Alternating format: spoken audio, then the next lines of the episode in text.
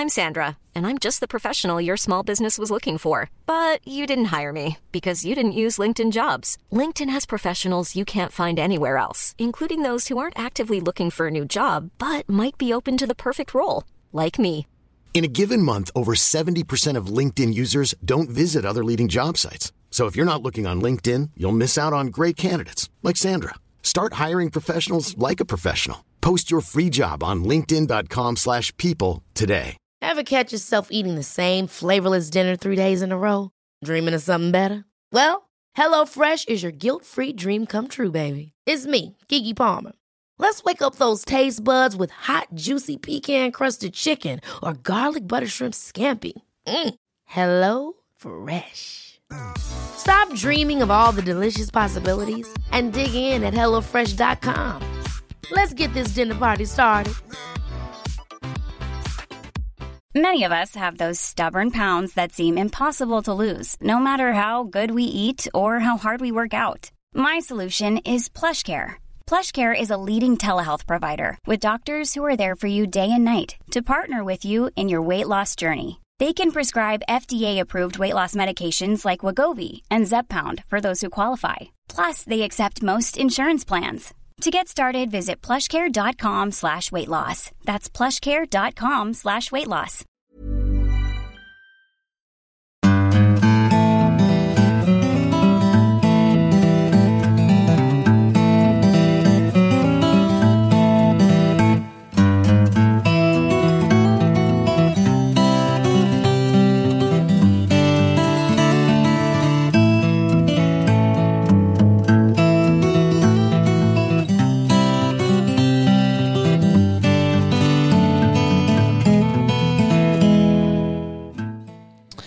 Hallo, hallo og hjertelig velkommen til en ny episode av Hall og knall-podden. Yay!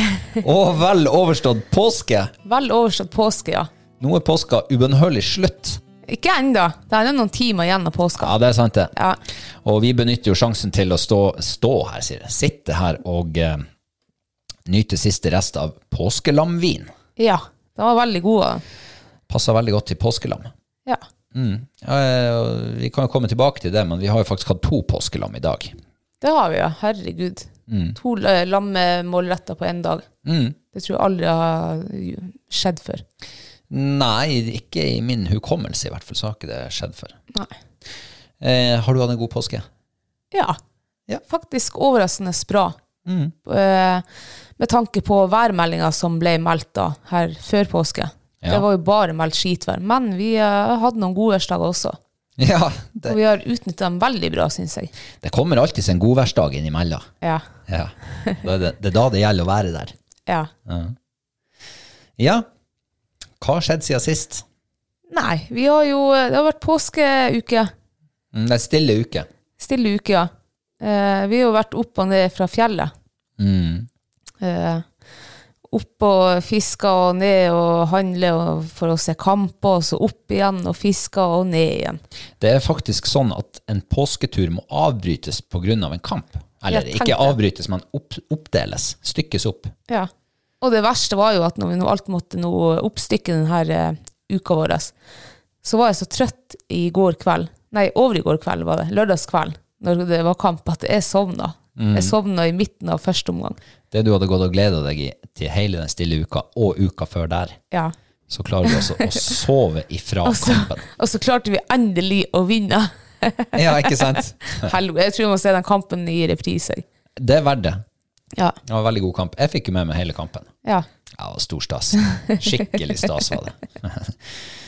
ja da. Nei, men eh, skal vi eh, gyve løs på påskefeiringa vår? ja. Vi har jo vært på fjellet. Det har vi vært. Ja.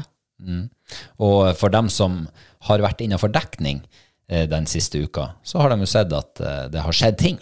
Det har skjedd ting, ja. vi har endelig liksom brøtt den der fiskeforbannelsen som har ligget over oss. Ja. Herregud, altså. Påskeuka 2021 kryper kryp pent inn på toppen av historiebøkene når det gjelder fiskelykke. Ja. Og det Eh. sier jeg ikke bare for å skryte. Nei. Eh, Jeg trodde jo jeg hadde opplevd fiskelykke på isen før jeg møtte deg. Men det her altså jo, det her Ja. var jo, tok jo kaka. Og det har ingenting med å gjøre at du har møtt meg. Nei. Nei. det var det. Jeg, tenkte med et lite sekund her, skal hun nå legge skylda på meg? Nei. Altså, pointen var nå bare at eh, Eller det, det var ikke pointen, men etter jeg møtte deg, da, så har du ikke fått omtrent en fisk på isen. Nei. Så, eh, og, det, og det må jeg bare understreke med en gang. De som sier at ja, du må ha hall for å få fisk på isen, det er bare forbanna tull. Jeg fikk masse fisk før jeg fikk hall. Så det er tøv, tull, svada. Det er viktig å ha hall. Nei, det er ikke det. Jo, det er kjempeviktig. For da slapper du mer av. Du blir ikke så, blir ikke så kaotisk fiske. Du er en eh, ja, Du blir plutselig en jordnær person. Du sitter i pakt med naturen, i pakt med deg sjøl, pakt med omgivelsene. Eh, Kan fiske med lave skuldre. Jeg tror det, det, det, det der, det er ikke det der overtroiske hallet som folk skal ha. Ja, du må ha hall for å få fisk. Nei. du må ha hall for å eh, være i modus til å kunne få fisk. Nei. For hvis du hele tida når du er og fisker skal gå og tenke på at 'jeg har ikke hall, jeg har ikke hall, jeg har ikke fått hall', jeg har ikke fått hall, så er det liksom skuldrene kryper lenger og lenger opp mot ørene, og så stivner du i ryggen, så stivner du i alt av lemmer, og så får man ikke fisk. Ja, du, det er akkurat det jeg sier. At du trenger ikke hals, og du kan bare slutte å liksom fære på tur med stive skuldre og tenke at 'jeg har ikke hall, jeg har ikke hall, jeg har ikke hall'. Og du har ikke hall, du har ikke hall, du har ikke hall. Jeg har ikke kall. Nei, ja. Så hall trengs ikke. Eh, det fikk vi vise det her nå siden Robert fikk muligheten her forrige uke å ta seg i Røyhallen, men det skjedde ikke. Nei da. Altså, hallet skal ikke være for ferskt, det må jo understrekes. Nei. Men eh, hall eller ikke hall, så vi eh, hadde noe drømmebitt på isen, altså. Gud bedre meg. Og det var Og jeg tenkte altså For det her var en litt sånn uvanlig tur. Eh, vanligvis så tar jo vi pulkene med oss som på fjellet eller på vinteren, og så skir innover til et vann. Vi pakker hundene i pulken, og så går vi. Ja, hundene foran oss. Men nå pakker vi hundene i, i scooteren, si, i hundeburet bak i sleden, Ja. og så ljomer vi innover til et, et, scootervann. ja. Ja. I hvert fall i nærheten. Ja. Mm. Veldig i nærheten. Veldig i nærheten. ganske langt unna, faktisk. Ja. Eh, det var i hvert fall uh, såpass i nærheten at jeg hørte den jævla scooterduringa hele Helgelandsdagen. Ja, men du hadde motvind, så du hørte det. Du, altså, det var medvind fra løypa. Ja, ja, du hørte det djevelsk godt. Ja, ja. Det ser jeg jo på sommeren også, hvis jeg er langt til fjells. Der hører de helvetes elvebåtene som kjører opp og ned Reisadal. Akkurat. Ja. Og de der firehjulingene som freser inn gjennom vidda. Ja, dem har jeg aldri hørt før, faktisk. Men scooter eller ikke, jeg husker når vi kom nå fram dit, da, så forbandt jeg meg litt over de der scooterlydene og folk. og eh, Men det var jo, eh, det var jo selvpålagt, eh, Selvpåført selvpåført, ja. lidelse. ja. Ja. Så at jeg egentlig har jo ikke rett til å sitte og klage. Nei. Men det var mange forskjellige utfordringer det ga meg, Oh, ja. faktisk. Mer enn bare lydene og folka? Ja, mye mer enn bare lyd og folka. Ikke visste hvor jeg skulle gå på dass hen. Oh, ja. Er ikke det, det- bare å gå Altså, vi lærte det i militæret. Ja. Skal du pisse, så er det to skritt ut og to skritt til høyre ifra teltet. Der pisser du. Ja, det gikk ikke, for hvis jeg gikk ut og to skritt til høyre, så så jeg en fremmed mann eller kvinne i øynene. og gikk jeg til venstre, så så jeg også en fremmed mann eller kvinne i øynene, så det gikk Ah. ikke. Nei. Så det endte med at jeg måtte bruke den ene matskåla til hundene og så sitte inni teltet og pisse hver jævla gang jeg hadde pissast. Men det var nå ikke ille. Nei. Det som var ille, det var den morgenen vi våkna. Vi våkna klokka fem på morgenen, og jeg tenkte yes, da når jeg å drikke kaffe, så når jeg liksom å få en gryende ja, Bommelom. bommelomhast, ja. Ja. Sånn Og vanlig morgenrutine, liksom. Vanlig morgenrutine, ja. Og den kom jo sigende. Og jeg tenkte at ja, nå, klokka var halv syv, jeg tenkte ja, nå skal jeg gå ut, nå er jeg jo eh, før alle andre. Gikk ut, nei, tror du faen ikke det var folk på isen da? Det Overalt rundt teltene. Og da, jeg måtte jo bare gå inn igjen, og svetten rann, og du gikk ut og fiska. Og det går ikke an å vente folk ut når de er på isfiske, når du treffer dem klokka halv åtte om morgenen. Nei. Da blir de der den dagen. Da blir de der, ja. Det var jo steikende fin sol og vindstille og alt, og ikke var det, det var dårlig sånn her snøborgbyggingsnø, så jeg kunne ikke lage meg ei sånn eh, utedass liksom på isen. Nei. Så jeg kleip nå igjen og fiska, lata som det ikke fantes, og plutselig, der får jeg altså så eh, Altså, det er, Det er panikk. det er altså veldig panikk. Det er kaos i leiren. kaosleiren, og jeg stikker hodet ut av eh, teltet, og da var det flere folk der overalt. Så jeg, jeg, jeg visste ikke hva jeg skulle gjøre. Jeg holdt på faen med å skite på meg, så jeg måtte ta med Jeg måtte finne noen plastikkposer som vi heldigvis hadde der. Jeg måtte tømme ut eh, hundematen til hundene og så ølposen vår, så jeg hadde dobbelt. For den første posen jeg fant, det var Holly. Og jeg måtte bare gjøre det inn i teltet. Ja. Uh, ja, det var eh, Befriende. ja, der og da kjentes det veldig befriende ut. Ellers så vet jeg ikke hva jeg skulle gjort. så det var altså, pointen da med det, med det her eh, skutevann, det var at det ga meg noen uh, utfordringer da, som jeg eh, ja, syns egentlig jeg fiksa det ganske greit, jeg. Ja da, det, du gjorde ikke noe stort nummer ut av det. Ikke før nå. Nei. Men det er kanskje tips til andre også. Jaha. Ja. Hva er altså, skit i en pose? Skit i en pose, ha, pass å ha med deg en ekstra eh, skål, vannskål eller eh, koke... Ja, Ja. En, en- beholder beholder ja. du kan med en viss omkrets. Ja, men nok om det, da. Ja, nok om det. Altså, jeg må bare eh, legge til her, da.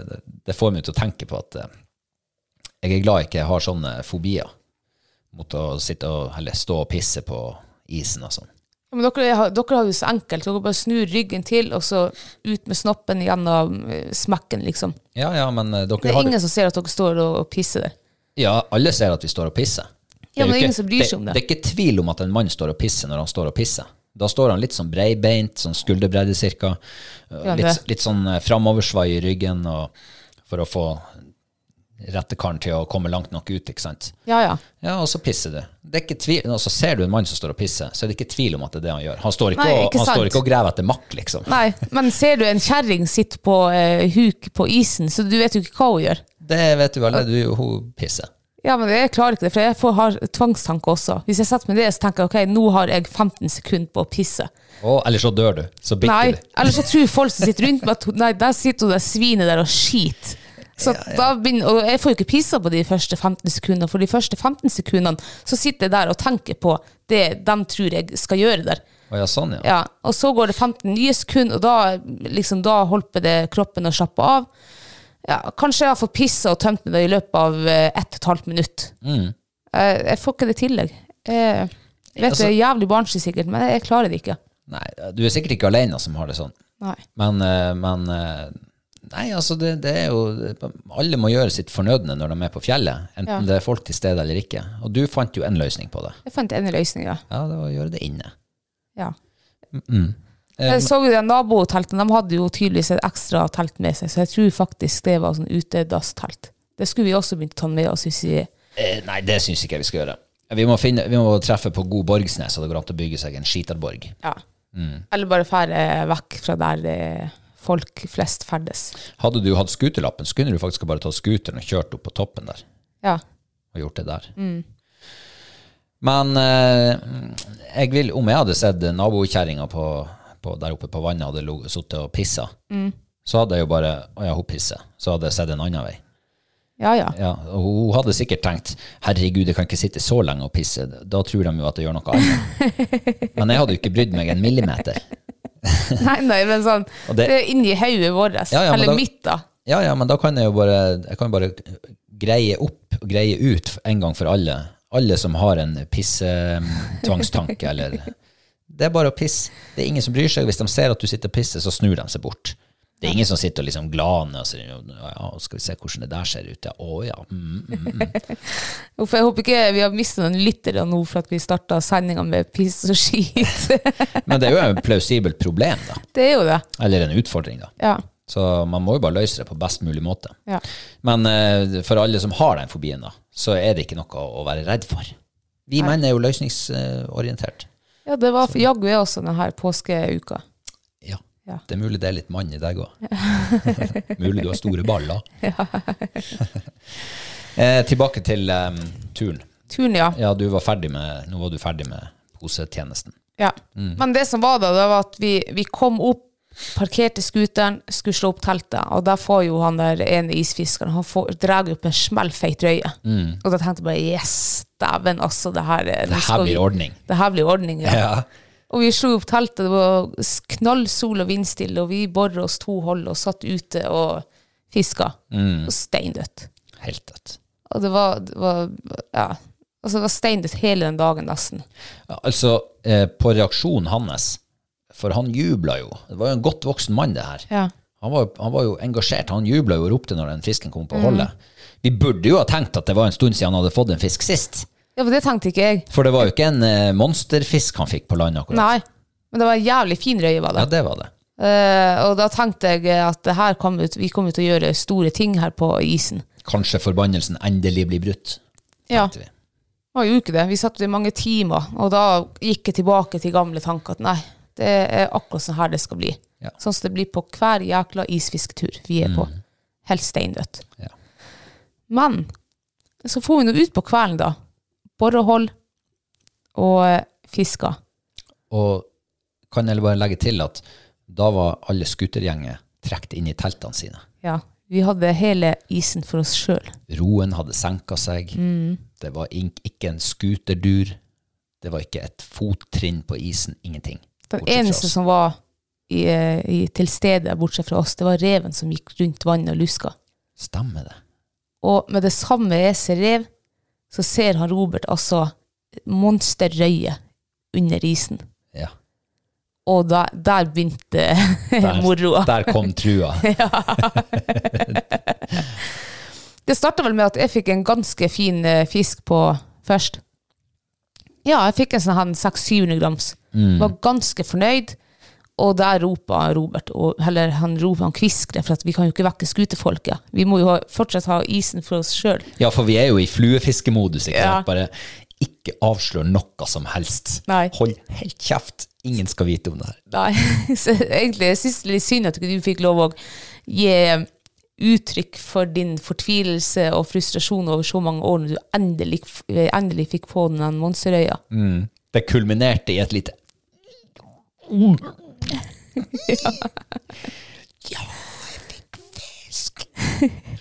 Så i hvert fall når du kviskrer der, du har fisk på, så spør jeg, ja, er den svær? Nei, du visste den ikke. Og, ja, skal jeg filme den? Ja, ja, jeg kunne jo filme da. Og jeg spurte vel, er det sånn en to kilos? Nei, nei, nei, nei, kanskje den ett et kilo, sa du. Og ja, du kan jo fortelle selv om den, eh, ja, Ja, nei, altså, jeg husker jo detaljer veldig dårlig, men, eh, men vi hadde jo eh, Vi hadde jo faktisk bora en del hold, og vi hadde jo sett eh, altså et par fine fisker som sklei forbi. Men plutselig så var det, begynte det å bli liv i holdet. Og jeg hadde jo en sånn der eh, sluk med, eller sånn blink med blink i. Altså grønt, kraftig lys som blinka. Det var sånn at når du så ned i et stummende mørke, så ble du nesten blenda av den blinken. Og det som skjedde, var jo at jeg jeg klarte jo å skimte fisk nedi der. Hver gang den blinka den der.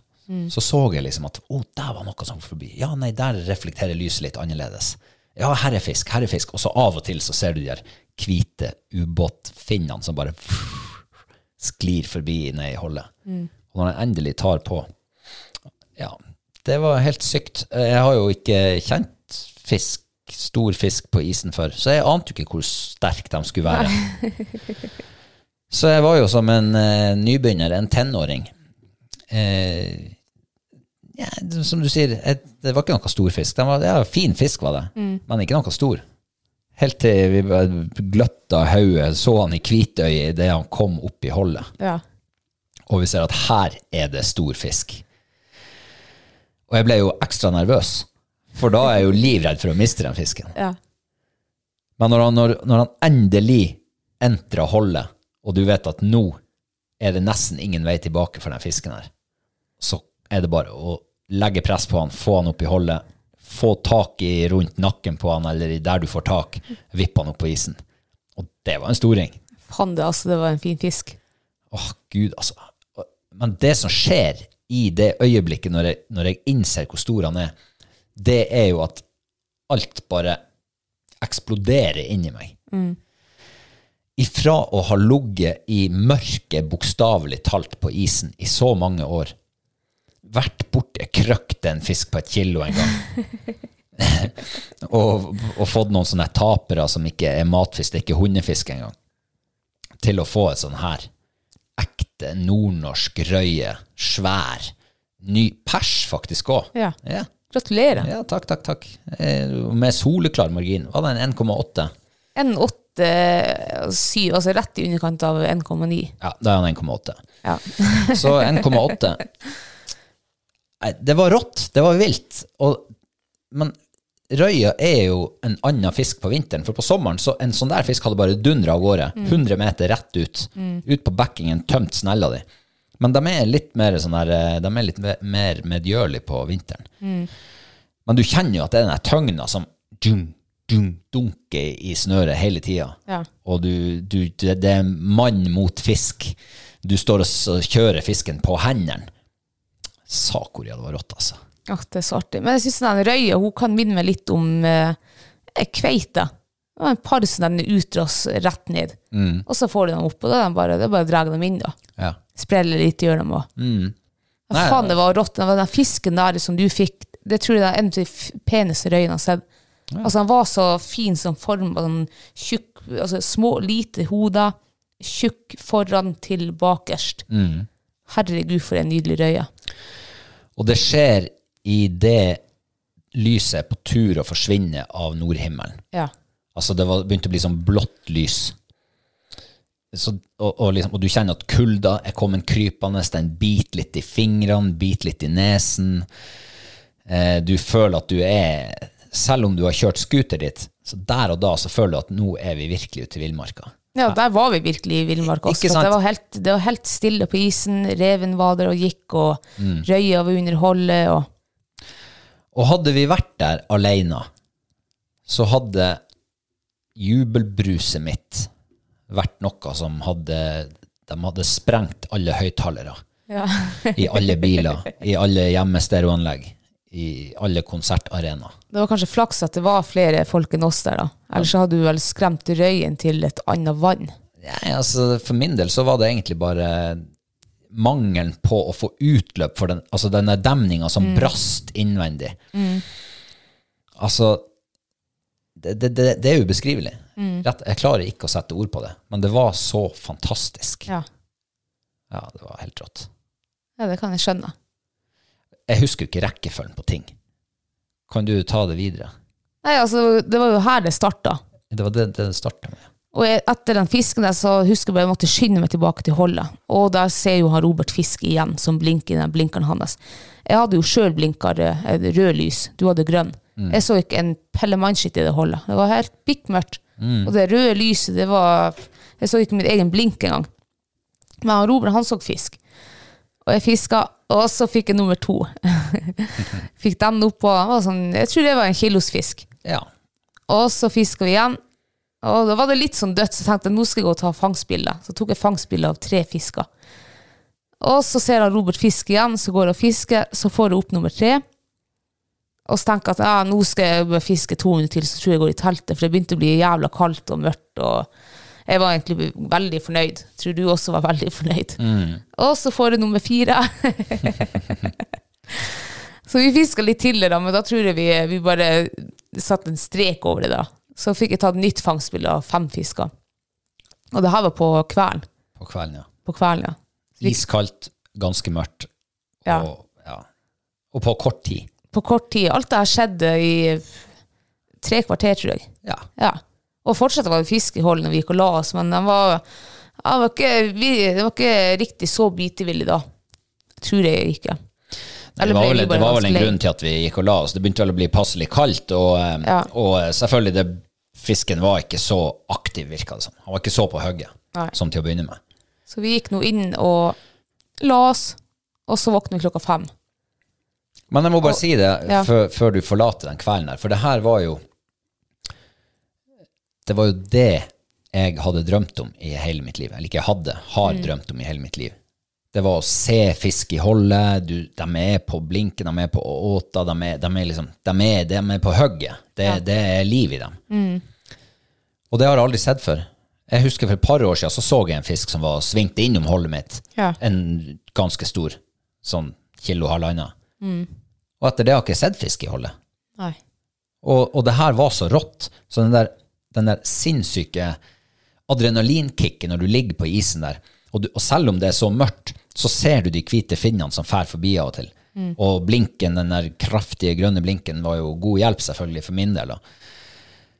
Men når vi gikk inn i teltet der, så, så satt det med sånn her eh, eh, tilfredsstillelse innvendig, sånn inn i sjela. At yes, endelig, det her må være godt røyebett. Det man har hørt om, det folk snakker om, det går gjetord om det. Du kan bare drege fisk på land. Ja. Helt sprøtt. Men tenkte du at, eh, liksom det her, at det var det her vi skulle våkne til? Nei. Nei, det, det tenkte ikke jeg heller. Nei, jeg hadde fått oppleve det. Jeg var en lykkelig Jeg sa jo 'jeg er lykkelig' når vi gikk og la oss. Og det var jeg. Ja. Det var helt sprøtt. Men i hvert fall, vi, ja, vi gikk og la oss da. Sto opp klokka fem, og så slapp vi ned først inn i teltene, eh, blinkene våre. Og da smeller det jo til med, me- altså med en gang nesten, før blinken har truffet botten. Så smeller det til en. Men den mistet jeg da. Eh, og så var det noe steindødt der. Så gikk vi nå ut og prøvde, steindødt. Og du fortsatte nå bortover isen. Jeg tenker, jeg går nå inn i teltet igjen. Og jeg slapp ned, og da var det begynt å bli såpass lyst at da klarte vi også å skimte fisken i holdet. For da hadde jo ikke jeg opplevd på kvelden det du opplevde. Nei. Og spott, kikke, fisk. Eh, men da gjorde de det. Og det var faen det kokte av fisket det holder. da. Og det var en sværing der. Og han tar, og jeg gir tilslag. Nei, jeg fikk han ikke. Og prøver litt da, og jeg tror tre ganger. Jeg klarte ikke å For jeg tror jeg stressa da med det der tilslaget. Så jeg, hus, jeg tror faktisk jeg eh, tok hodet opp av hold og så bare måtte føle på handa. Altså sånn som jeg er vant til. Og der tar han. Å, dæven, da. Han hadde utras. Første utraset, da. Men jeg tenkte, jeg kan ikke begynne å, for jeg mente å begynne å rope og hyle på deg, men jeg tenkte, da vekker jeg nabofolkene her. Så Ja, for da var vi fortsatt alene på da var vi fortsatt alene på morgenen. De lå sikkert enda og sov. Eh, så jeg tok han i stillhet inn der, og jeg fikk han opp av holdet, og, og dæven, han var svær. Den var, først trodde jeg ikke den var større enn din, for din var så jævla feit. Den her var jo også feit, men annen form. Men vi veide han jo, han var en, eh, ja, rett i underkant av to kilo da. Han var 1,9. han var ikke to. Nei, Nei. han Da var, var han 1,9. jeg sa jo ikke at han var 1,2, jeg- nei, 1,2. Jeg sa han var rett i underkant av to kilo. Ja. Ja. Så for historiebøkene så er den 1,9. Ja, Øh, den var jo nærmere to kilo enn 1,9. Men han var ikke to kilo. Uff, du med den helvetes skrammene dine, altså. Nei, jeg sa ikke det. Han var rett i underkant av to kilo. Mm. Eh, og da kom jo du inn dit, i teltet. Ja, for du, for du kom ut, og så bare visste du liksom Stor fisk. Du sa ingenting, du bare visste. ja. For stor fisk. ja, for jeg tenkte jeg skulle få det dit bort, for der var jo, jeg hadde jo funnet gull, eller gullfisken hadde funnet oss da, for vi hadde jo mat og Haaland også dagen før. I hvert fall, vi fisker der, vi får vel en, du får vel en par fine sånne her, fire-fem, halvt kilos kanskje. Ja. Ja. Jeg fikk jo en til, den krokfisken. ja. Faen altså, for en stygg fisk. Den var sikkert et kilo. Det var monsterfisk. Monsterfisk, og så var det, det var akkurat som jeg var knekt tre plasser på ryggen. Mm. Merkelig, jeg har aldri opplevd noe sånt før. Nei, eh, det var skriveri i avisen om noe monstertorsk, men de så ikke sånn ut. Nei. Men eh, det, det, det her er monsterøye, da. Ifølge han Daniel så er jo det her eh, en genfeil hos genfeil, fisken. ja. Ja, for det var ikke, vi fikk jo flere som hadde sånne. Vi gjorde det, i større eller mindre grad. Ja. To var akkurat like, altså, like jævlig. Det så ut som de hadde tre ledd på kroppen. Eh, jeg syns det minner, eller det kunne se ut som de hadde stått i garn Ja, nei, det tror ikke jeg. fra når de var små. Ja, jeg vet ikke. Nei, jeg vet Jeg tror ikke det er noen som fisker med så små masker på sånne vann. Så de får ikke småfisk i går. Nei, jeg vet ikke, men i hvert fall så eh, Hvor vi jo kommet til noen. Det her var jo enda på morgenen, ja. Ja, ja. Du kom inn, vi hadde fått oss noen fine fisker, og så lager vi frokost. Eh, og så skjedde jo alt det der med den eh, episoden vi begynte med. Og så finner Robert ut Nei, han skal gå og bore et eh, hold ca. 15 meter til høyre fra teltet. Og Robert drar nå ut. Jeg tenkte jeg gidder ikke, jeg sitter nå inne i teltet og fisker. Koselig. Koselig å sitte inne i Ja, det er koselig å sitte inne. jeg og hundene vi koser oss i teltet. Så jeg fisker ned, og så av og til så hører han Robert bare ha-ha-ha, flire der ute. Og jeg, ene gangen så lukka jeg opp 'Får du fisk der?' 'Ja, ja', sa du. 'Å ja, ok, så bra'. Og jeg fiska noe videre. Det var helt steindødt i fiskeholdet inne i teltet. Uh, Jeg tror du satt ute i en par timer her. Kan det stemme? Ja. Og jeg tenkte nå altså, jøss, for en tålmodigheten den fyren har fått. Jeg, jeg trodde, jeg satt inne i teltet og tenkte at du har fått én fisk. Men så flirte du en par ganger etterpå. Eh, så kom vel du inn, og så fortalte du vel hva som hadde skjedd der de to timene. 15 meter fra teltet vårt. Ja. Det, det jeg begynte med, med kvelden før, det var jo bare småfisk i forhold til Altså ikke småfisk, men myggpiss i havet. Ja. Det som foregikk 15 meter på yttersida av teltet, det er, det er, det er priceless. Ja. Det er ubeskrivelig. Det kokte i holdet. Konstant. Jeg, jeg husker jeg hadde fått opp én fisk, så slapp jeg ned. Og, mens jeg, og når du får opp én fisk, så kommer det jo mye sånn sørpe opp i holdet. Ja. Så jeg bare slapp ned, slapp ned bruket, og så tok jeg eh, koppen og skulle begynne å mokke sørpa ut. Og mens jeg holdt på der, så biter jeg på en ny. Vet du, det var helt Det kokte, både i holdet og i hodet mitt. ja. Så jeg fikk jo fisk på fisk på fisk på fisk. Og eh, teltnaboen var jo også kommet ut. Han satt jo en eh, 20 meter bort for meg igjen. Han fikk ikke fisk. Du fikk ikke fisk. Nei. Det var akkurat der, i holdet mitt. Der var det altså sweet spoten. Ja. Det var helt sprøtt. Jeg har aldri drømt om at det kunne være så sinnssykt å være isfisker. Det var helt sykt! Altså Jeg er jo Jeg har lett for å la meg begeistre. Ja. Men når, når man får sånn der Altså, det koker. Sånn der, og verre enn det du har drømt om. Det jeg har hørt, og det jeg har tenkt, liksom at ja, du, du kan se at det er fisk i hold, og den fær og siger forbi og snurrer rundt der, og sånn, og så får du en fisk i ny og ne. Men du sitter jaggu med og, å mokke fisk på land. Ja. Det er helt sprøtt. De tok i hele tida. Ja, det er helt sykt. Og du kom jo inn etter to timer og fortalte hva som hadde skjedd der. Jeg var jo helt uviten. Hadde jeg visst det her, så hadde jeg vært der ute på isen i lag med deg. Så jeg vet egentlig hvorfor du ikke sa det til meg, Robert. Det kan jo hende du ville oppleve det her alene på Jeg, sa jo det kokte. Det kokte i hodet mitt. Men i hvert fall, du kom nå inn da, og eh, ja, du satt og brifa meg, og vi gikk ut begge to da. Det gikk, det gikk ikke mange minuttene før vi begge var på isen igjen. Og før jeg hadde nådd å sette eh, min blink ned i det hullet, jeg bora vel tre meter fra ditt hold, da beit det jo på. Jeg tror jeg fikk en, jeg vet ikke, seks fisker der på under en time. Eh, og jeg tror ingen av dem var under et kilo og den største var sikkert 1,7-1,8. Og den ene fisken holdt vi på med i over en halvtime, tror jeg, med å få den opp av holdet. Så altså, da har jeg fått seks fisker på kanskje 20 minutter. det var helt sykt. Ja. Og du, på, på din side av holdet, eh, det så jo faen meg ut som du var kommet til en sånn her eh, slakteplass for selfangster eller noe. Det var helt rødt på isen. Og det var så fisk overalt som lå der. Herregud. Eh, nei, det var, det, var, det var bonanza. Ja. Og vi sa jo det, det når, når telt, naboteltene begynte å komme trekkende ut på isen sånn godt ut på morgenen. Eh, vi satt jo der i steikende sol, det var skikkelig påskevær. Det var skikkelig, ja. Det var så å si vindstille, det var god stemning, og alle var venner. Eh,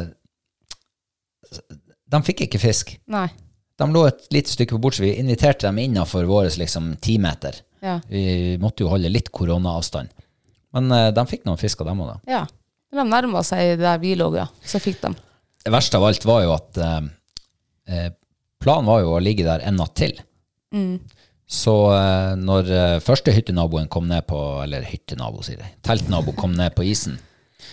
Så liksom Ja, får du noe? Ja, så jeg får, ja, fått ja, drømmefiske i natt. Å ja, sa han. Ja, ja, ja. Ja, få høre. Ja, men- vi må begynne fra scratch av denne, denne historien. okay. For eh, når vi våkner opp på morgenen klokka fem og fisker litt, og så skal vi ta kaffe, så sitter vi og tuller med at faen, altså, vi, da hadde vi jo fått fem store fisker Ja. kvelden før.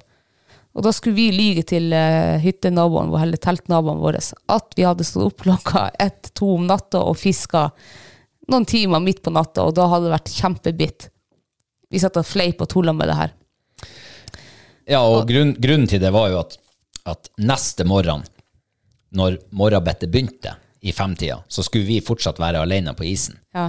For vi skulle ikke ha noen teltnaboer som springer ned på isen eh, midt på natta. Ja, og skulle vi ha kveldsfiske. Det var vel kveldsfiske, kveldsfiske. jeg vi først. Så i alle fall, eh, jeg er jo jeg lyver over en lav sko, jeg, så lenge det kan være til fordel for meg sjøl. Så eh, når han spurte ja, har dere fått fisk, ja ja, så vi hadde drømmefisk i natt. Vi var oppe en gang i timen og slapp ned bare sånn og, og kjente om det var noe der, fiska noen minutter, og hvis det ikke var noe, så sov vi videre en time, og så sto vi opp igjen. Og midt på natta, så er jeg i to-tida cirka, der begynner det å hogge til. Og vi drar altså fisk.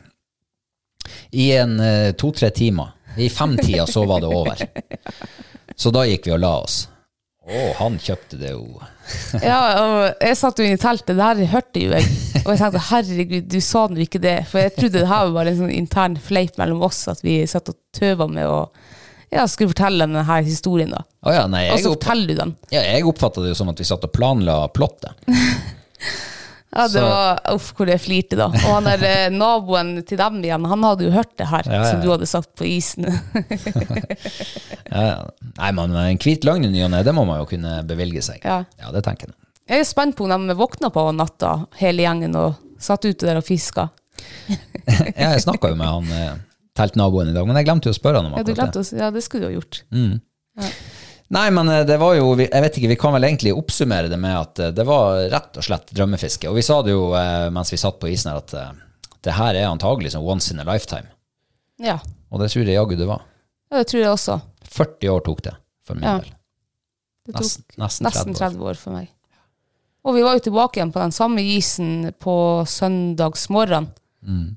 Til, til mandags ettermiddag. Det var helt stein Helland støtt. Ikke helt, for jeg dro jo faktisk fire stykker. Ja, hva samla vekt på dem var 50 gram. Eh, ja, det var nå vel sikkert litt mer. Det begynner vel å nærme seg 80. Ja. Nei, og, og, og det jeg sa til deg før vi starta opp første turen Nei, kanskje vi tar gildekassa med, så har vi noen plass å gjøre av den fisken. Nei, så gildekassa Nei, vi trenger ikke det, vi får ikke fisk. Skulle hatt gildekassa med. ja, vet du hva, vi hadde to fulle bæreposer med oss ned, pluss en halv full bære, altså to og en halv bærepose smekkfull med fisk. Og så tok vi gildekassa med i går når vi for. Da fikk vi ingenting. Ingenting. Nei, for da jinxer du med Mulig du jinxer, ja. Jeg tror det. Ja, ja. Men vi har i hvert fall høsta mange fine fiske- og naturopplevelser og masse god mat på bordet. Mm. Og en påske som, eh, som vi kommer til å huske i mange år framover. Ja, jeg tror denne påska den kommer jeg aldri til å glemme. Eh, nei, det tror jeg nok heller ikke. Jeg, jeg skal bli ganske gammel i alle fall. Begynne å dra på med noe demens før, eh, før den her eh, Ja, men når du får demens, så jeg tror du kommer til å huske den her, da. Ja, for det er så lenge siden. Ja. Ja, ja, ja. Så begynner det kanskje du bare prater om denne turen, da. Jeg husker den gangen Ja. vi lå der. Alle besteforeldre har jo en sånn der historie de forteller. Ja, Ja, jeg ja, tror det har blitt din historie. så til mine barnebarn så kommer jeg til å fortelle om ja, ja, den gangen vi lå på isen i påska, ja, det var stygge vær både før og etter, men der når vi lå der, det beit i ett sett. Ja. Og den skal jeg fortelle hver gang jeg treffer barnebarna mine. Og de kommer ikke til å tro på meg. Nei. Vi har jo bilder. De skulle ha vært der. Ja. Ja, ja. Vi har bilder av det. Ja, vi har bildet. Men det som var et lite skår i gleden, da, det var jo at uh, vi så jo fram til For vi hadde jo hørt at det skulle være ekstremt god kvalitet på fisken på det vannet her. Eh, og når vi sløyer fisken og, og fileterer dem, så, så er det jo mye fisk som ikke er rød og fin. Nei. De er rett og slett torskehvite. Ja, vi fant vel ut av kanskje 65% av fangsten var hvit. Så Hvor rart, altså. ja, det er kjemperart. Eh, For og, nesten alle fiskene var, var feit. og sprekkfull av marflo i magen. Ja. Så eh, Nei, jeg, tror, jeg lurer på at det kan ha noe med høstens gyting å gjøre. ja.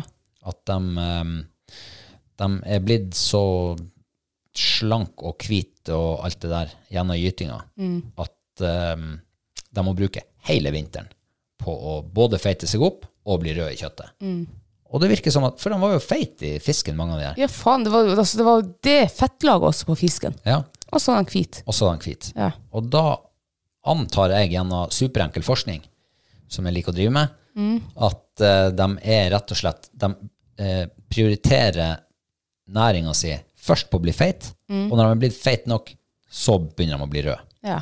For vi så jo noen fisker som begynte å få Noen av dem som var hvite, de var begynt å få litt sånn her uh, oransje skjær i seg. Så, og de var jo også feite, vil jeg huske. ja. Så, så da er det min teori. Men måtte den smake like godt da som en fisk som er rød, da? Det skal vi finne ut av. Ja, det blir jo spennende å se. Ja, det, jeg lurer på at eh, en dag denne uka så skal det være hvit røye til middag. Ja. Stekt.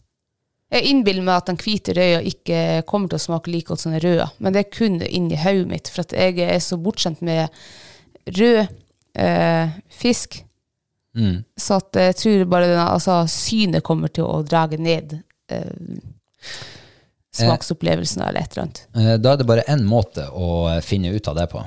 Ja. Det er å kjøre blindtest. ja. Kanskje vi skal gjøre det? vi steiker en rød og en hvit røye, Ja. Og så, og så Da, tar vi det gjør vi, ja. Ja, det skal vi gjøre. Ja. Og da kan vi, det kan vi egentlig gjøre katt som helst. Vi kan um, Kun fisk, ikke Kun, noe tilbehør. nei, ikke noe annet. Bare at du får smake på. Ja. Ja, da, men det kan vi gjøre. ja, det kan vi gjøre. Jeg noterer meg smakstest røye, sånn at vi husker det. Ja. Så skal jeg legge det inn i kalenderen, sånn at vi tar det en dag til uka. Eh, så nei, men eh, takk, for, takk for påske, holdt jeg på å si. Takk for turene. Takk for turene, ja. Ja. Og så vil jeg sende en eh, aldri så liten eh, takk til um, skuter, Skuterforeninga. Ok. Ja, for det at uh, i går og i dag når vi kjørte, så var det altså så dårlig sikt. Ja. Hadde ikke det vært for de eh, stikken, skuterløypestikken, så hadde ikke vi funnet fram. Nei. Eh, det var bare å kjøre fra stikke til stikke. Det var jævlig godt stikka, faktisk. Meget godt stikka. Ja. Det kunne, de kunne ha vært lat. Sagt nei, vi setter en stikke der, og så kjører vi 200 meter, og så setter vi en stikke der. Ja, da hadde vi ikke hatt sjans. Vi hadde ikke vært hjemme før i morgen tidlig, da. Da hadde vi måttet slått opp teltet midtveis og bare eh, blitt der til det klårna. Ja. Ja. så takk til Skuterforeninga. Ja ja. Nei, påska eh, De sier jo at jula varer helt til påske, men eh, nå er nå i hvert fall påska også straks over. ja. Men det er jo en annen ting som har eh, skjedd i påska. Yes. En kjempebra ting for oss. Ja. Ja. Nå er altså det valpekullet som vi har stått på eh, ja, altså valpelista da på. Hun har født, hun har født ti kvalper. Uh, husker ikke helt feil, så var det syv tisper og tre hannhunder. Stemmer det? Og vi ønsker jo oss en tispe. Det gjorde vi. Så sjansen var jo stor. Sjansen var så stor ja, når det ble så mange, ja. Men så var det vel ganske mange på kvalpelista òg, tror jeg. Ja, det var ganske mange. Mm. Eh, men vi fikk den gledelige nyheten av at vi eh, skal ha familieforøkelse her da, i begynnelsen av juni. Hurray, hurray! Herregud, hvor jeg gleder meg. Denne nyheten fikk vi altså før, eh, altså på skjærtorsdag på morgenen. Ja, det gjorde vi. Så jeg, satt, jeg husker den skuterturen opp, den var egentlig ganske grei, den, for jeg satt og smilte og tenkte litt på hundenavn, og tenkte, ja, hvordan skal, det, skal, hvordan skal jeg trene den, og sånn her, og mm. og, Kom du på noen gode navn, forresten? Jeg tenkte på Skerry, for jeg kjekk til venstre der, da var det noe Skerry-greier der, og så tenkte jeg på uh, Shirra, og, og så tenkte jeg, det er jo ikke sånne navn jeg egentlig vil ha. Jeg vil ha litt sånn her fit for fight, reborn and ready. Altså sånne Ja, okay. engelske, amerikanske hestenavn. Å ja. Ja. Liksom Rex Rodney. Du Ja, kunne hatt et eh, norsk, norsk hestenavn. Rex Rodney er jo en legende. Er det det? Ja, ja. Ja. Han vant det som var travløp i sin tid. Jeg har aldri hørt om han Rex Rodney før. Nei, for du er for ung. Ja, det er Han var nok. på 80-tallet, var han. På, Ja, ok, på, da var ikke jeg påtenkt. da pika han. Ja. Ja, nei, eh, du har eh, den type navn, og eh, jeg har jo mer sånn eh, Liverpool-befengte navn. Ja, men eh, du ser jo hvordan det har gått med de her Liverpool-navnene. Vi har gitt til den tidligere hundene våre. Jo, jo, men man kan ikke gi opp. Alle gode ting er tre, vet du. Ja, ja. Men det skjer ikke. Nå har vi hatt to ishettevalper som heter Anfield. Så Ja, den blir tredje, det blir ikke Anfield. Det blir ikke Anfield, nei. Kunne vært uh, The Cop, Nei. eller bare Klopp, Nei. eller um, det mange gode Altså, man kan jo bare ta for eksempel eh, Matthew Street. Matthew kunne Nei. Nei. Hel men heldigvis, og du sa jo til meg her for en måneds tid siden at jeg skulle få lov å velge navn denne gangen. Så det var jeg så glad for. Ja, det blir din hund. Nei, det er jo vår hund. men jeg får velge navn. Men, men eh, jeg har jo fått et barn en gang. Ja, Og eh, det her med navnevalg, det er, det er faktisk ganske viktig. Viktigere er enn man tror. Mm. Ja, det er det. Men eh, eh, Nå har jeg jo veldig lite erfaring med det, da. Men når man ser kvalpen, kanskje det er lettere da å si ja, du skal hete det. Ja, det kan Du ser sånn ut. Så kanskje vi bare må avvente det litt til den kommer i hus. Går det an? Nei, for han må jo melde inn til NKK, altså registrere valpene. Jo, men det går an sikkert å melde inn sånn der eh, to be decided. Nei, det vet jeg ikke. Det blir noe mye arbeid for eh. Men han eh, sa jo at når de vokser til, så kan vi se dem på FaceTime. Ja. Så det blir artig. Kan vi hilse på dem? Ja. Hei, hei, Nurke. Hei, hei. Men jeg tenkte jo også, jeg hadde jo en uh, hund, første kullet til Fight som heter Ready for Battle, som uh, sprang utfor et stup og daua. Ja. Jeg tenkte Ready for Battle, kunne det ha vært et navn? Kunne vi kalt henne for Ready? Ho. Ja. Ready, ready for battle er jo et guttenavn. Nei. Jo, jo. Nei. Folk sier at Fit for Fight er et guttenavn. Det er jo Nei, ikke det. det er jo Det er jentenavn. jentenavn. Ja, nettopp. Ikke Ja. sant? Så ready for battle er gutt. Ready, det kan jo være jente. Ready, det høres jo litt feminint ut. Nei. Jeg syns det. Ikke når jeg har sett en hannhund som heter det. Da, det, da, da ble det et guttenavn. Nei. Ja, nei, men eh, det der navnevalget der, det får noe, eh, vi får nå eh, bli enige om det etter hvert. Vi får ta på boksehanskene i dag, og så får vi bokse. Ja. Og den som først blir knocka ut, taper. Nei, men du, nei, det skjer ikke, for du har allerede sagt at jeg kan velge med hundenavn. Ja, ja, men da trenger du ikke involvere meg noe mer. Bare meld tilbake når du er blitt enig med deg Ja, kanskje vi kan kalle den for stramt snøre. Stramt snøre Nei, det var langt Tight å gå line. på. Tight line, ja. Ja, tight line. Ja, dæven, det var ikke dumt. Å ja. Faktisk. Jeg liker jo sånne her litt sånn engelske, flere sammensatte ord. ja. Skal du kalle den for tight eller line? Du roper ikke Line. 'tight line, kom her'. Ja, det kan man jo gjøre. Men eh, line. Line? Eller tight? Nei, tight høres så eh, Teit ut. Tight line, ja. Ja, det var ikke dumt forslag. Nei. Nei, men eh, vi får se om vi ikke vil Jeg likte jo mer sånn eh, sk- scary eller eh, ja, et eller annet som har med naturen å gjøre. Skirra. Skirra, ja. Ja. Jeg har jo et vann vi har kalt for skirrajavre. Ja. Mm.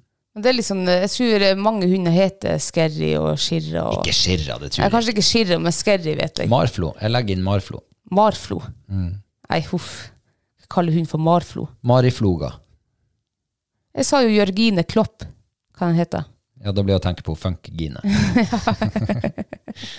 jeg klarer ikke det. Nei. Det blir for mye i 15 år. Ja. Det er ikke sikkert hun er pop om 15 år heller. Nei, det kan hende hun Jørgine vi har her i huset er på topp. Ja, det kan vi. Ikke om 15 år, da er hun på Nei, ikke om 15 år da. Ja. Nei, men vi finner vel på et navn. Det blir i hvert fall veldig stas å eh, få seg et nytt familiemedlem. Det gjør det. Vi er Gud, gleder meg. Ja, vi har blitt vant til det der å innvie nye familiemedlemmer.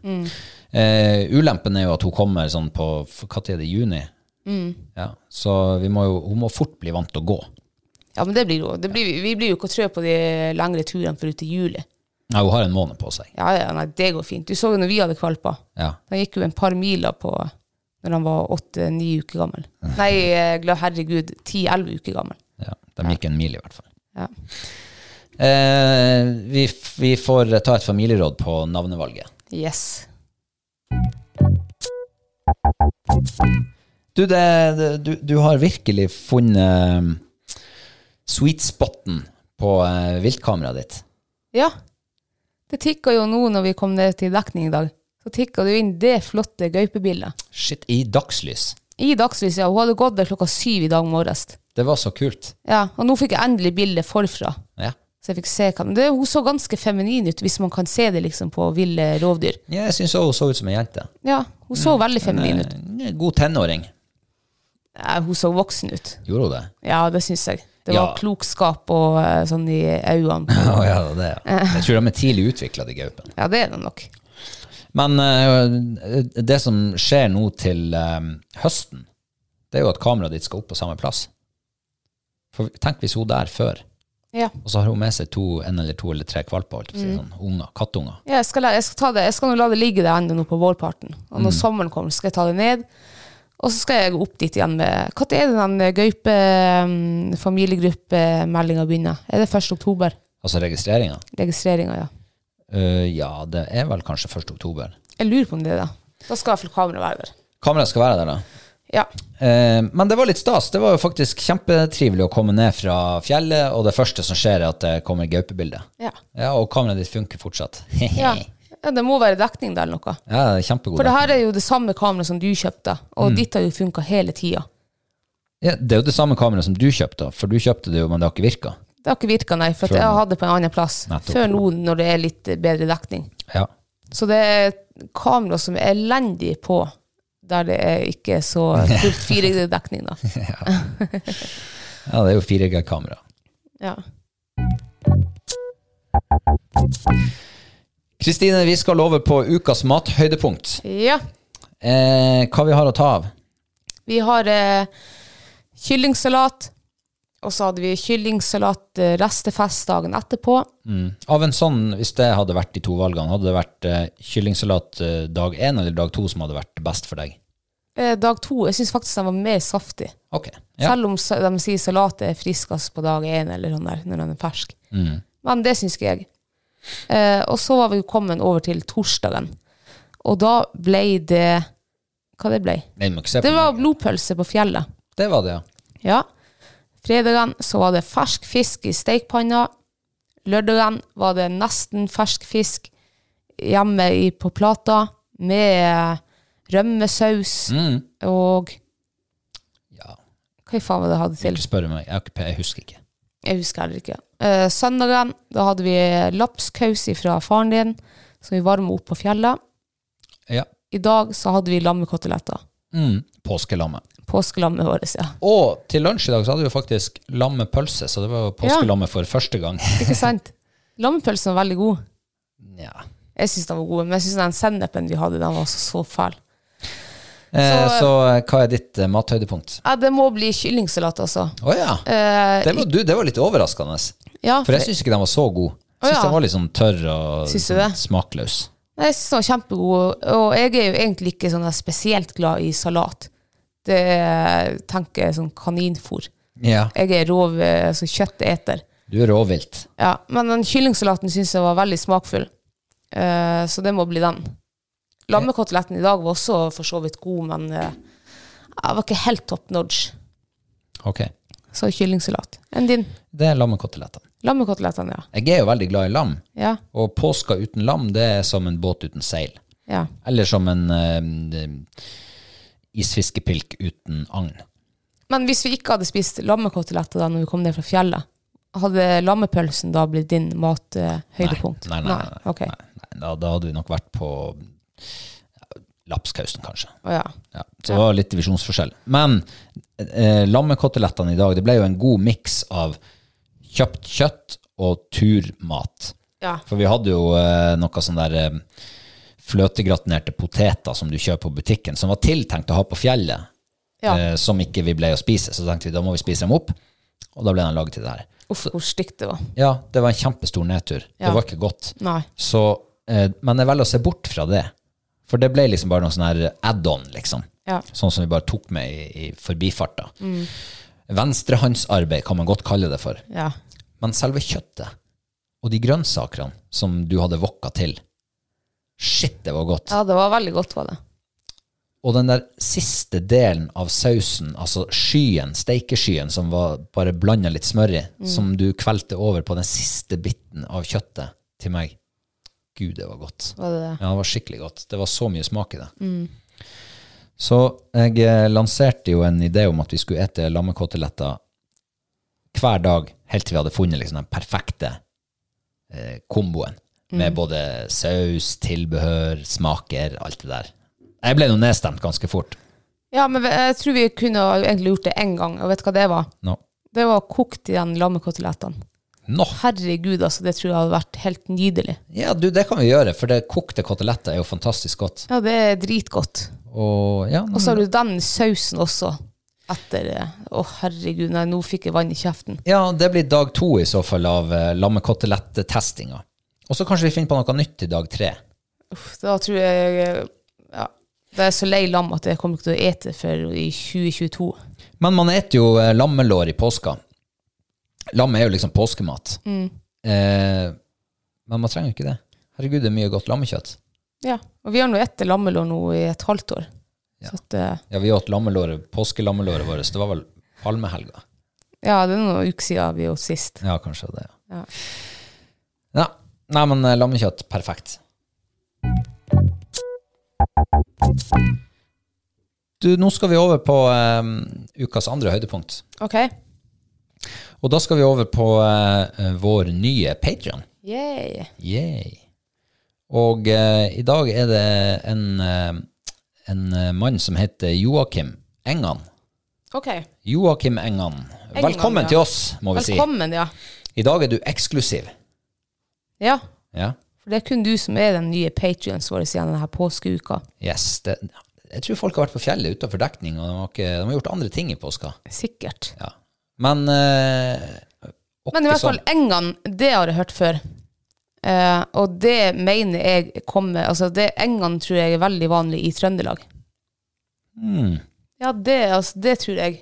Vi havner i Trøndelag igjen. Mm. Eller du havner nå der. Ja. Eh, jeg kan jo i hvert fall si at han er ikke nordlending, i hvert fall. For han har en hodelykt på hodet, og det er ikke en uh, Moonlight Mountain Gear Nei, som vi går med her oppe. Sportpant. Nei, Sportman. Man det står det, ja. Eh, bildet tatt i mørket, det betyr at han ikke er redd for å være ute i mørket. Ja, da er han trønder. Men Joakim Engan Jo da, det, mm, har ikke vi en nabo som heter Engan? Eng- Nabo. Enger heter han. Ja, han heter Enger. Ja, det var Enger, ja, det er noe annet. Det blir lenger sør, det. Men jeg hadde en valpekjøper her, det første kullet jeg hadde for 11-12 år siden, og jeg mener han heter Engan. Ja. Og han mener, var ikke han trønder? Eller var han fra Nordland, kanskje? Herregud, nei, nå ble jeg noe usikker. Nå prater du det bort fra magefølelsen din. Jeg lurer faktisk på om han var fra Nordland. Men han prata trønder. Nei, jeg husker ikke. Men jeg, jeg står på trønder, altså. Hvor hen i Trøndelag? Vil du plassere han en eller annen plass? Uff, jeg er jo så dårlig på sånn en geografi og uh, Nord-Trøndelag. Ja, jeg vi Hva som sånn er der? Nam, Nams, Namsen? Namsskogan. Namsskogan, ja. Ja. Ja, Er det en plass? ja, det, det er jo et Ja, det er en skog i en ja, men bor det folk i den skogen? Eller er det, en sånn, er det en plass? Ja, det, jeg tror det bor en og annen der. Det er litt som i Sverige. Det bor et hus her og der. Ja, men da sier ikke Namsskogan. Men det er Nams, Namsos. Namsos, ja, da er du på kysten. Det det er, liksom. De er derifra. Ja, jeg sier det. Du sier Namsos. Ja. Ja, men da kanskje jeg trekker meg litt lenger sør i Trøndelag, litt opp i, opp i en dal eller noe sånt, og så sier jeg at han er i Løkkenverk. Løkkenverk. Det har jeg aldri hørt om før. Jo, jo. Det, der har jeg vært på øvelse. Har du det? Ja. Stått på eh, Stått oppe i Løkkenverk. Det er en bitte liten plass i, langs veien der. Hva som får deg til å tro at han er derifra? Nei, det var bare noe som slo ned. Det var, det var ikke magefølelse engang. Nei. Men jeg tenkte, han bor litt, han bor ikke på kysten. Jeg tror han bor oppi, han er vant til å ha hodelykt på hodet. Da bor han oppi en dal. Og Løkkenverk det er ikke akkurat dal. Jo, jo, kanskje det er dal. Ja. Men, Svent, men trønder, det tror jeg i hvert fall han er. Men må tro om han er sånn som eh, eh, liker å gå på tur og ligge i telt, eller om man er sånn som liker å liksom fiske eller jakte eller eh, ja, Jeg tror det er siste. jakte. Jakte, ja. Ja, altså jakte og fiske sikkert. Ikke en sånn her turvandrer. Kanskje bildet er tatt fra en isfisketur i Bekkmartna en gang, midt på midtvinters. Nei, det tror jeg. Det, det der er høsten, tror jeg. Jeg tror der er han på jakt. Da er han på Kongsvoll på jakt. På Dovre. På rypejakt, nei, det tror jeg ikke. Og elgjeger, tenkte du. Nei, jeg tenkte eh, bjørnejeger. Å ja, nei, tror, hvis han bor i Trøndelag, så er han eh, elgjeger. Ja, jeg tror det er mye elg der. Ja. Eh, det husker jeg en gang jeg kjørte gjennom Namsskogene på vinteren, midt Mm. på vinteren. Det var så mye elgspor, sånn krysning over veien, over E6-en. Jeg måtte ringe til en kollega som var fra området, og bare spørre, du, er det mye elg her, eller? Det ser sånn ut. Yes, sånn, det er ma- mye elg, ja. Må kjøre forsiktig. så da gjorde jeg det. reiser den, da. Ja. Nei, men uh, vi ønsker deg hjertelig velkommen inn i uh, gjengen vår. Ja, om du er trønder eller ikke trønder, så uh, Jeg håper selvfølgelig at du er trønder, for da har jeg rett Ja. i min tipping. Så gjør vi jo som vanlig, vi ber om å få fasiten tilsendt på SMS Ja. eller Messenger, Messenger eller et eller annet sånt. Em, når vi snakker om Patreon, så har vi jo eh, Nå er jo mars gått, og Ja. vi er over i april. Yes. Eh, og hva skjedde i mars? Vi hadde jo en eh, giveaway i mars, eh, der vi ga bort et gavekort fra Klima. Ja. Og vi har tr trukket en vinner, Mm. og det ble Vegard Ovesen Yay! fra Trøndelag. Yay! Applaus. Ja, det var stas.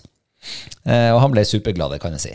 Ble det, ja? Ja, han ja. ga uttrykk for det. Ja. Så sånn, jeg leste litt mellom linjene når han sendte melding tilbake og takka så mye. Så, Ja. ble, ja da, du ble Han, han opptrer fornøyd.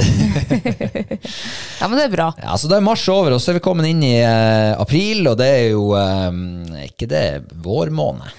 Det er vårmåned, ja. Mars er vel kanskje òg vårmåned? Nei, ikke her nordpå i hvert fall. Nei, nei, Det er en eh, snømåned. ja, det er noe. April er jo, det er jo da vi begynner å vente på tinasnøen her oppe. Ja. Eh, I dag så kom det litt tinasnø, tror jeg. Ja. Det her må være tinasnø. ja, for han er fem-seks plussgrader, og så snør det. Ja. Er ikke det tinasnø? Jeg tror det er tinasnø. Ja. Det er sånn snø som skal komme for å hjelpe på, få litt full fart på tininga av den gammelsneen. Ja. Ja. Eh, og det betyr jo også at vi har en ny giveaway i april. Yes. Ja. Og det er to hengekøyer fra Marinor. Mm. Um, det, er jo, det tror jeg må være genialt å ha med deg ute på tur. ja, jeg vet ikke, jeg har aldri prøvd det. Nei, ikke heller, men jeg har jævlig lyst til å prøve det. Har du det? Ja, skikkelig. Jeg har aldri ligget før i hele mitt liv i en hengekøye. Man har liksom tenkt at for eksempel når du står og fisker laks i Reiselv, da, og du er kanskje på dagstur, eller uansett, og bare, åh, hvor deilig det har vært å ligge i en hengekøye her nå, og dingle og dangle, Ja, ja, ja, ja. ja. rett med elvebredden. Der har du liksom, der slipper du å ligge i telt, du ser ikke en skit, du ser ikke når laksen hopper, og Ja. ligge i en hengekøye der, nyte stillheten, sola, bare se bort ifra myggen som er utfor. Men det her hengekøyen her, den var myggnett også. Ah, det var slapp løsninga på det jeg satt og tenkte på nå med. Ja. Da slipper du myggen, og du bare ligger der og er i ett med naturen. Fantastisk. Ja. Ja, du, det, det, nå fikk jeg nesten lyst til å prøve det sjøl også. Tenk på det, jeg har aldri prøvd hengekøye ute. Har du ikke det? Men jeg vet at det er sinnssykt populært Ja. å fære på hengekøyetur. Å ja. Ja, eller Sånn altså, overnattingstur. ja. Oh, ja. Ja, ja, ja. Det, altså, hengekøye selges visst over en lav sko. Eh, men jeg tror jo at man bare trenger to gode trær. ja. Eh, det nytter ikke med noe kratt. Du Nei, du må ha trær, da. du må ha trær, ja. Ja. Så det er ikke noe livet over skogsgrensa-aktiviteter der. Nei, da må du sikkert ha med noe stenger. Ja, det gidder ikke å bære Hvis du går etter skuterløypa, så er det to sånne altså, Hvis du finner to nærliggende stikker, Oh, og ikke er veier så veistikk. altfor mye. Det er jo veistikke, det. Ja. Nei, det var kanskje dårlig. Men, men eh, det blir kult å prøve, for vi skal prøve det. Vi skal prøve det, ja. Mm. Eh, og eh, siden det er to stykk hengekøye, så tenkte jo vi at kan vi trekke ut en til hver? Altså en stykk til to forskjellige vinnere. Men så tenkte vi at er ikke det triveligere å ta med seg en venn på tur? Ja. Yes. Så da trekker vi ut to hengekøyer til én vinner. Yes. Og det skjer helt til slutten av, altså siste dagen i april. Ja. Eh, for å få være med i trekninga, what to do? Da må du bli Patrion. Det må du bli. Ja. Og vet du nå hvor du finner det? Du finner det på patrion.com skråstrek halloknall. Way! Du har lært! Yay! Yeah. det var jo helt innertier. Ja. Eh, og da får du også tilgang til bonusmaterialet vi har laga, ja. og det som kommer senere. ja. Eh, yes. Er det noe mer å legge til, Kristine? Nei. Nei. Bare ønsker folket en uh, riktig så fin uh, siste påskedag. Ja, og, og en god uke. Og en god uke, ja. Og så er det jo eh, Snart er det ny helg. Nye muligheter til å Ja. pelle seg ut. Og så må vi minne om Hall og knall bål. Ja. Hashtag bilder. Ta bilde av bålet ditt, legg det ut på sosiale medier. Tagg det med Hall og knall bål. Yes. Og så høres vi om en uke. Vi høres. Ha det bra! Ha det.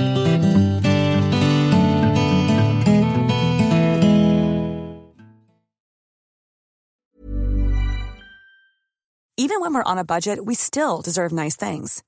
Quince is a place to scoop up stunning high-end goods for 50 to 80% less than similar brands. They have buttery soft cashmere sweaters starting at $50, luxurious Italian leather bags, and so much more. Plus, Quince only works with factories that use safe, ethical, and responsible manufacturing. Get the high-end goods you'll love without the high price tag with Quince. Go to quince.com slash style for free shipping and 365-day returns. Hold up. What was that? Boring. No flavor. That was as bad as those leftovers you ate all week. Kiki Palmer here, and it's time to say hello to something fresh and guilt-free. Hello Fresh. Jazz up dinner with pecan-crusted chicken or garlic butter shrimp scampi. Now that's music to my mouth. Hello Fresh. Let's get this dinner party started. Discover all the delicious possibilities at hellofresh.com. Hey, it's Paige DeSorbo from Giggly Squad.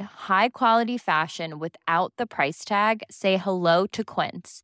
I'm snagging high-end essentials like cozy cashmere sweaters, sleek leather jackets, fine jewelry, and so much more. With Quince being 50 to 80% less than similar brands. And they partner with factories that prioritize safe, ethical, and responsible manufacturing. I love that. Luxury quality within reach. Go to quince.com slash style to get free shipping and 365 day returns on your next order. Quince.com slash style.